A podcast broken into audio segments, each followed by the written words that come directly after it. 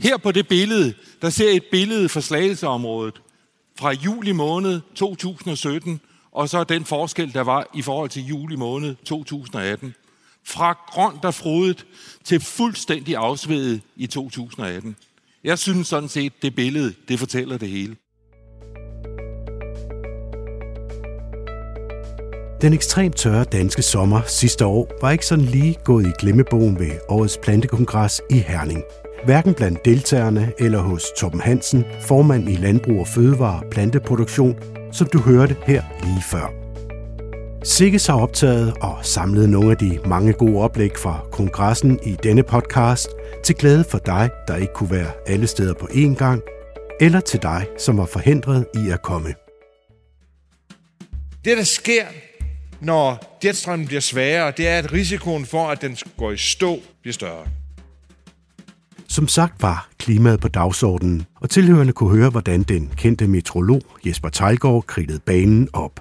Langt fra en nem bane at spille på. Og det er faktisk hele misæren. Fordi hvor kommer Danmark til at ligge, når den går i stå? Det her billede kunne passende være for to år siden, 2017, hvor vi ligger i den kolde luft.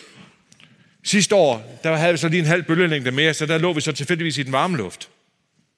Hvad skal man så som landmand egentlig satse på, når man skal lave sine afgrøder? Om det er om efteråret, så det er efterårsafgrøder, om det er forårsafgrøder. Hvad er det, man skal så? Er det det, der som ligesom kan holde til tørken og varmen? Eller er det det, der er bedst i det kolde og fugtige? Ja, altså, jeg, kan, jeg har ikke svaret. Hvis det var det, I ventede på. Jeg ved ikke, hvordan det bliver til sommer.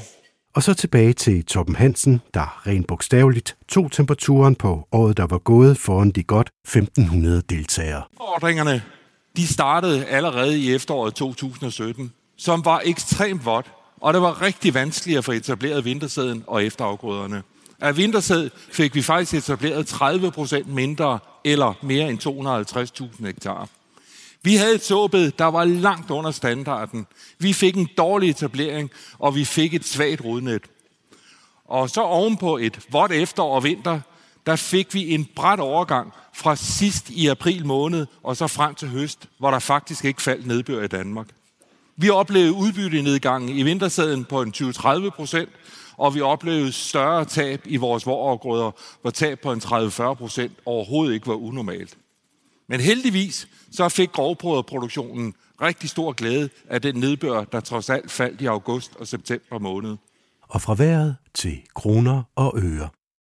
Vi har valgt ekstraordinært terror på egenkapitalen, hæve kontingentet en lille smule for samtlige medlemmer i Landbrug og Fødevare, og vi har vendt hver en krone, både på SEGES og i Landbrug og Fødevare. Der er prioriteret 8,5 millioner kroner til at, til arbejde, og nogenlunde det samme i de kommende tre år. Det er rigtig, rigtig mange penge. Jeg vil bare sige, det er så vigtigt, at vi får leveret på de kollektive virkemidler, hvis vi skal undgå en dyr målrettet regulering. Og jeg vil bare også sige det lige ud, at kollektive virkemidler, de er rigtig vigtige for, at vi kan fastholde vores gødningskvoter fremadrettet. Ude foran, der vil I kunne møde oplandskonsulenterne igennem hele kongressen. Heldigvis så er det lykkedes at få flyttet nogle af de barriere og udfordringer, der var i forbindelse med etablering af minivorområder. Så nu kan jeg bare sige, nu er det bare med at komme hjem og få fundet gravemaskinerne frem. Det her, det er faktisk en rigtig god mulighed for at sikre jeres ejendoms produktionsmuligheder fremadrettet. Vi vil her gerne vise de første ni miniområder, som er i gang med at blive etableret i den nye ordning. Gravemaskinerne er faktisk rigtig godt i gang. Og vi glæder os til at få mange flere etableret. Herefter tog Troels Toft, sektordirektør i SIGGES, ordet. Udover boniteten og forhistorien, så har rodudviklingen stor betydning for planternes robusthed. Det målrettede arbejde, der er i gang sat via samarbejdet i Crop Innovation Danmark, og som foregår i Radimax-anlæg på Københavns Universitets forsøgsgård i Tostrup, giver i et år som i 2018 ekstrem god mening. Her fokuserer alle landets planteforædlere samt forskere fra både AU og KU på udvikling af dybere og mere robuste rødder, der kan modstå ekstreme vejrforhold bedre. Man kan i anlægget øh, simulere både såvel tørke som ekstremt våde situationer med overdækning eller kraftig regnskyl, som meteorologerne har lovet, at vi skal forholde os til fremover. Et mål i Radimax er netop at finde sorter og finde de specifikke gener, der giver bedst robusthed imod ekstremer, og som derefter kan krydses ind i de sorter, der skal være med til at sikre robuste afgrøder til fremtidens planteavl. Udviklingen af nye sorter ved hjælp af nye præcisionsforædlingsteknikker er et område, der fik stor bevågenhed i løbet af 2018, men desværre med uheldigt udfald. De nye forædlingsmetoder blev fra EU-kommissionens side sidestillet med GMO-teknologi. Det beror desværre øh, på manglende indsigt og forståelse for de enorme muligheder, der ligger i at forædle fremtidens planter langt, langt mere målrettet imod bedre plantesundhed og sygdomsresistens, en større klimarobusthed og mindre klimaaftryk og en bedre næringsstofhusholdning. Og så er det tid til at møde en af de mange deltagere. Her er det Henrik Bak, der er medindhaver af virksomhederne Ny Vrå og Salicin, som sælger pileplanter og andre pileprodukter. Jeg synes jo, setupet her er fantastisk, og øh, jeg har altid rost de her arrangementer, men jeg må sige, at kvaliteten i år synes jeg er højere end de foregående år. Det er som om, at der er kommet mere øh, fokus på øh, nogle af de ting, jeg i hvert fald går op i, øh, bioraffinering og andre sådan mere nicheprægede ting, øh, miljø, energi og klima, som jeg tror bliver en vigtig del af dansk landbrug fremadrettet. Så der vil jeg sige, der synes jeg, at man, jeg har fået noget for pengene i år. Jeg tænker jo, at, at, at øh, udfordringen for plantavlen, det er jo at finde nogle, øh, øh, kan man sige, nogle indtjeningsmuligheder, som ligger ud over de der 110-20 kroner per tønde øh, hvede, for eksempel. Og øh, den der lyst til at gå ud i at få kigget ind i alternativer, øh, andre, øh, kan man sige, øh, nicher, den tror jeg, den bliver en rigtig vigtig del af dansk landbrug fremadrettet. Så, så øh, jeg mærker, at der er ved at ske noget, og jeg synes kraftigt, at øh, det bliver signaleret også fra scenen under landsplanavsmødet, at, øh, at der bliver sat en ny retning øh, fra, fra SEGE, så det synes jeg, det er en fornøjelse. Ud for overskriften, vi vil gøre en forskel, fortalte landmand Martin Mogensen fra God Gris, der er en moderne landbrugsvirksomhed, blandt andet om det at pleje sit image ved at kommunikere med lokalsamfundet via sociale medier, og så det at køre en virksomhed i ejerskab med andre. En af de ting, øh, der gør, at, øh, som jeg mener, gør, at vi har et, øh, et stærkt samarbejde og et, og et godt samarbejde, det er, at vi har opdelt tingene i ansvarsområder, sådan at jeg har et ansvarsområde, og der er det mig, der bestemmer. Og øh, der er nogle af de andre over at hjælpe mig, så, øh, så er det stadigvæk mig, der bestemmer. Jeg er over at hjælpe dem i stallen, eller hvor det nu er. Så er det, øh, så er det dem, der bestemmer. Overordnet, der skal vi selvfølgelig være enige om, hvad, hvad retning vi vil have vores virksomhed, og øh, skal vi tage nogle store beslutninger, så er vi selvfølgelig også sammen om det. Men vi har delt det op sådan, at, at man har hver sit fagområde, og det gør, øh, det gør en forskel øh, i forhold til, øh, til driften. Vi mener, at det er vores opgave at skabe et godt image for vores virksomhed og sørge for, at vi kommer ud til, øh, til lokalområdet, og det er der, vi kan flytte noget. Det er, at vi får fortalt, hvad det er, vi gør, øh, og hvordan vi gør det. Vi ligger i Østjylland, øh, nærmere bestemt øh, et af de områder, hvor der er den allerstørste tilflytning til overhovedet i landet. Øh, Derfor får vi, øh, får vi løbende nye naboer, og de lokale byer de vokser ret eksplosivt. Og det gør jo, at, at vi, får en, øh, vi får en endnu større berøringsflade, og vi får endnu flere, som skal, som skal informere os om, hvordan det er, vi driver vores bedrift, og hvorfor vi er, vi, vi larmer og støver nogle dage, hvor det måske ikke lige er altså hensigtsmæssigt, synes de. Vi skal også bruge nogle medarbejdere, og jo bedre et image vi har, jo bedre, øh, jo bredere vi kommer ud, jo nemmere er det også at få de her medarbejdere øh, og øh, rekruttere dem. Øh, og vi har selv mulighederne, som vi ser det. Vi har øh, i dag med de, øh, med de sociale medier og den slags, så, så har vi selv muligheden for at komme ud over rampen.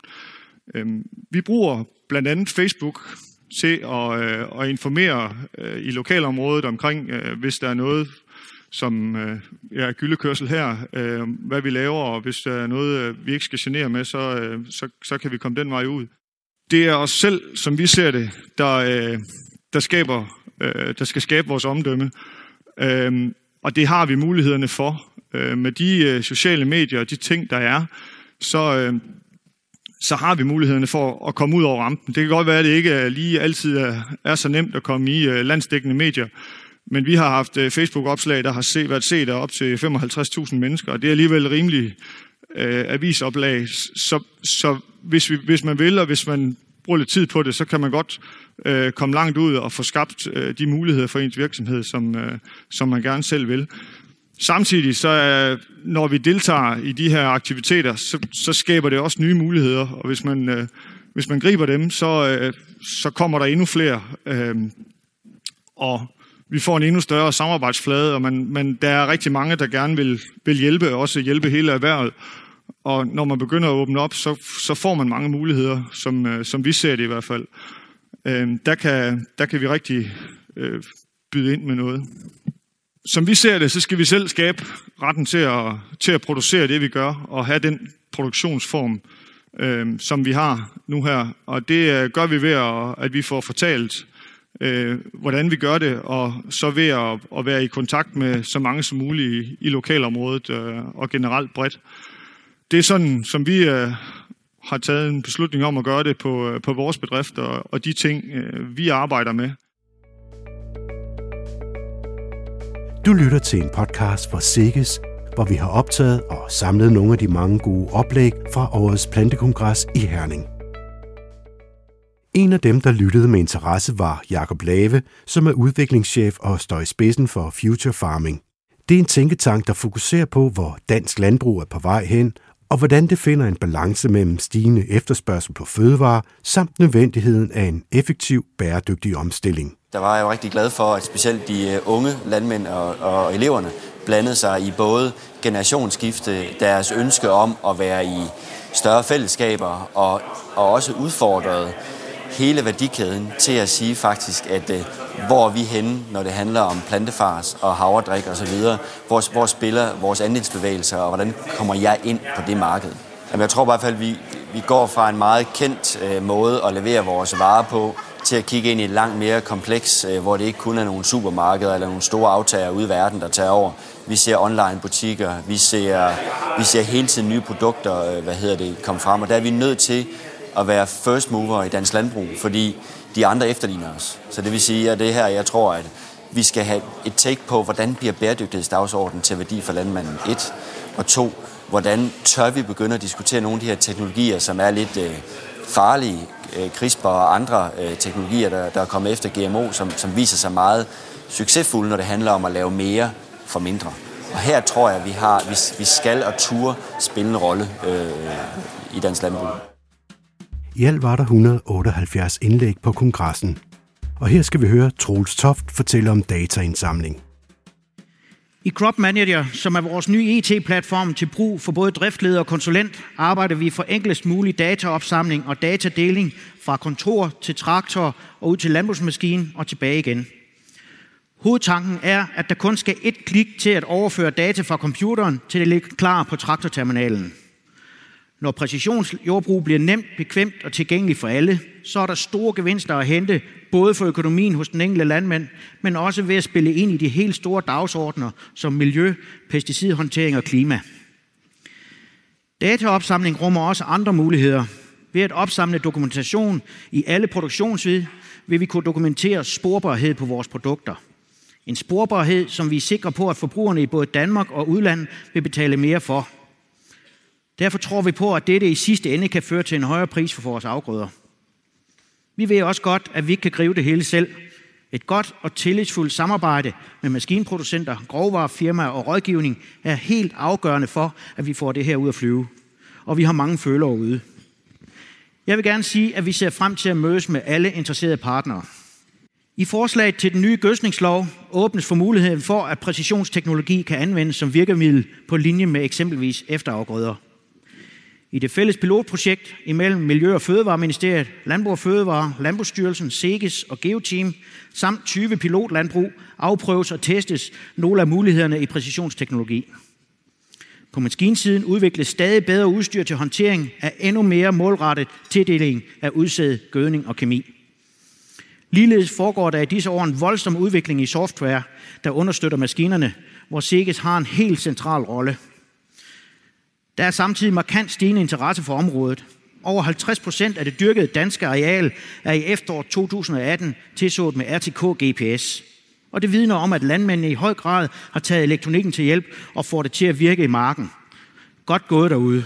Og fra et solidt skulderklap gik Troels Toft over til at tale om økologi. 2018 blev et år, hvor det økologiske areal er der steg, til nu at udgøre ca. 11 procent af det dyrkede areal.